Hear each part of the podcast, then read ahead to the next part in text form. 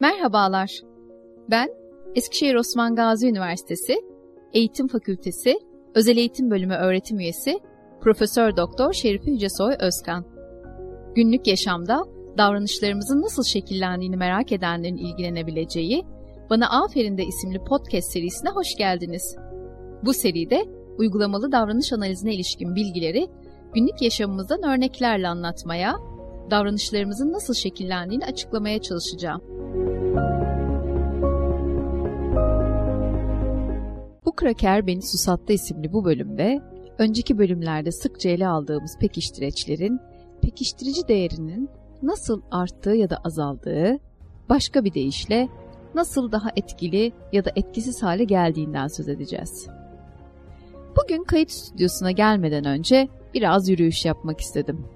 Hava 28 derece ve nem oranı %70'in üzerindeydi. 25-30 dakikalık bir yürüyüş sonrasında kendimi kayıt stüdyosuna zor attım. Klimanın serinlettiği stüdyo havası bana o kadar iyi geldi ki.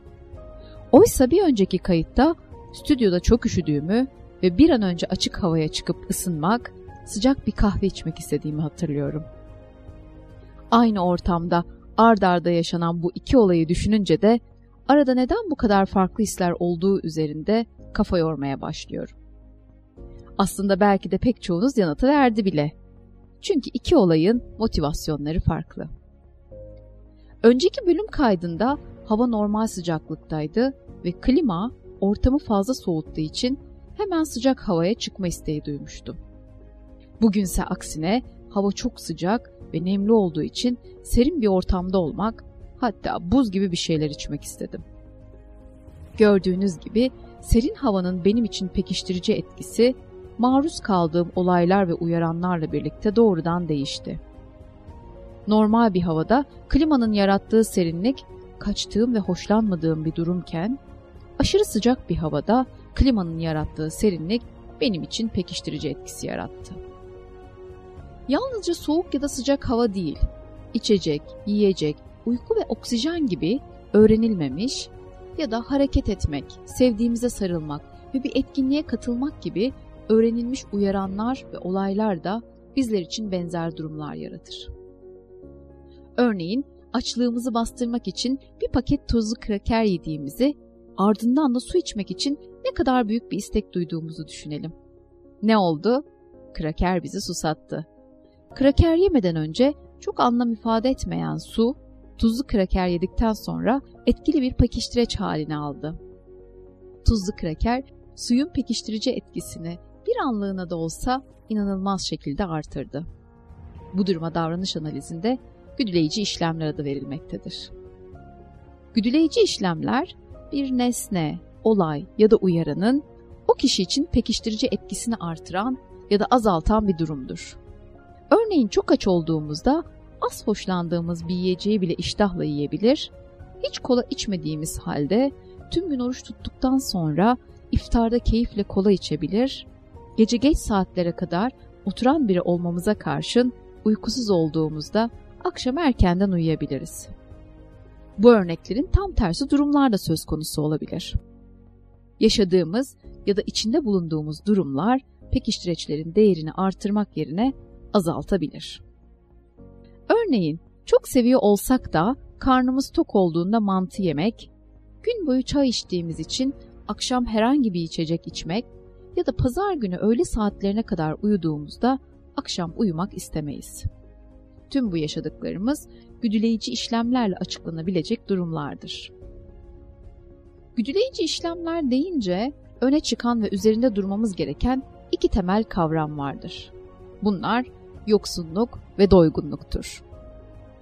Yoksunluk söz konusu nesne ya da olaya gereksinim duyulmasıdır ve o nesne ya da olayın pekiştirici etkisini artırmaktadır. Doygunluk ise tam tersi biçimde nesne ya da olaya gereksinim duyulmamasıdır ve o nesne ya da olayın pekiştirici etkisini azaltmaktadır. Aslında güdüleyici işlemler anneanne babaanneler, deneyimli anne babalar ya da öğretmenler tarafından günlük yaşamda kullanılmaktadır. Pek çoğumuz iştahsız olan çocuklarımızdan yakındığımızda etrafımızdaki deneyimli kişilerden merak etme, acıkınca yer ya da üzülme, susamış olsa ister gibi cümleler duyarız. Aslında bu cümleler güdüleyici işlemleri tam olarak ortaya koyan ve açlık ya da susuzluk gibi bir yoksunluk durumu olduğunda yemeğin ya da içeceğin pekiştirici etkisinin artacağını gösteren cümlelerdir. Davranış analizi ile ilgili olarak yapılan araştırmalar da bu görüşleri desteklemektedir. Araştırmalar çocuklarda oyuncak ve şekerleme gibi birinci ihtiyaç olmayan uyaranlar için bile bir ya da iki günlük yoksunluk oluşturulduğunda çok az tercih edilen bir uyaranın çok etkili bir pekiştireç işlevi görebileceğini göstermektedir. Diyetisyenler de davranış analizinin bu ilkelerinden yararlanırlar ve danışanlarına açken alışverişe çıkmamaları konusunda önerilerde bulunurlar. Bunun temel nedenlerinden biri insanlar için bir yoksunluk durumu olan açlığın güdüleyici işlem olarak işlev görmesi ve normalde hoşa giden bir şey olsun ya da olmasın pek çok yiyecek ve içeceğin pekiştirici değerinin artması, böylece insanların normalden daha fazla alışveriş yapma eğiliminde olmasıdır. 1980'li yıllarda yaptıkları bir araştırmada Beneke ve Davis de benzer bulguları ortaya koymuşlardır. Beneke ve Davis tarafından yapılan araştırma, açken alışveriş yapan kişilerin aç değilken alışveriş yapanlara oranla daha kalorili yiyecekler satın aldığını göstermektedir. Yoksunluk ve satın alınan kalori miktarı arasında bir ilişki olduğunu gösteren araştırmalar olsa da bu konuda çok daha fazla sayıda çalışmaya gereksinim olduğu söylenebilir.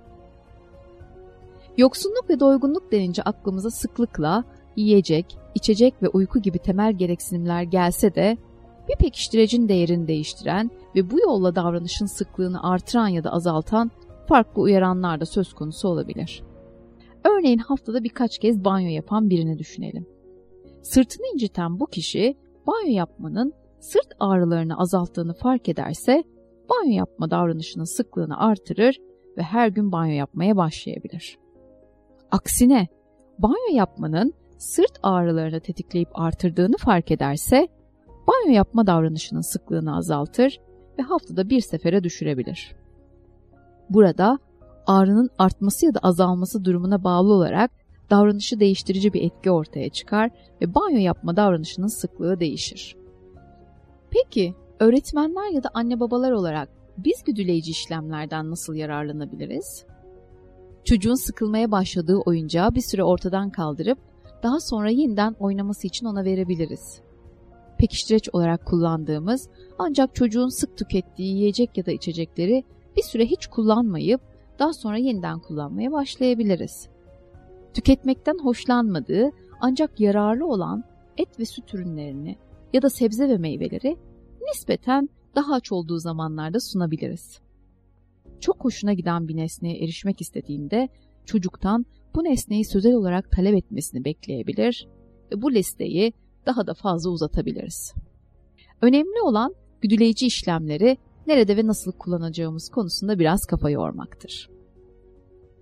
1989-1998 yılları arasında toplam 9 sezon yayınlanmış olan ve Emmy ödülü kazanmış Seinfeld isimli durum komedisindeki çok ilginç bir sahnede karakterlerinde dediği gibi bu kraker beni susattı diyerek ben de şimdi su içmeye gidiyorum. Bir sonraki bölümde görüşmek üzere.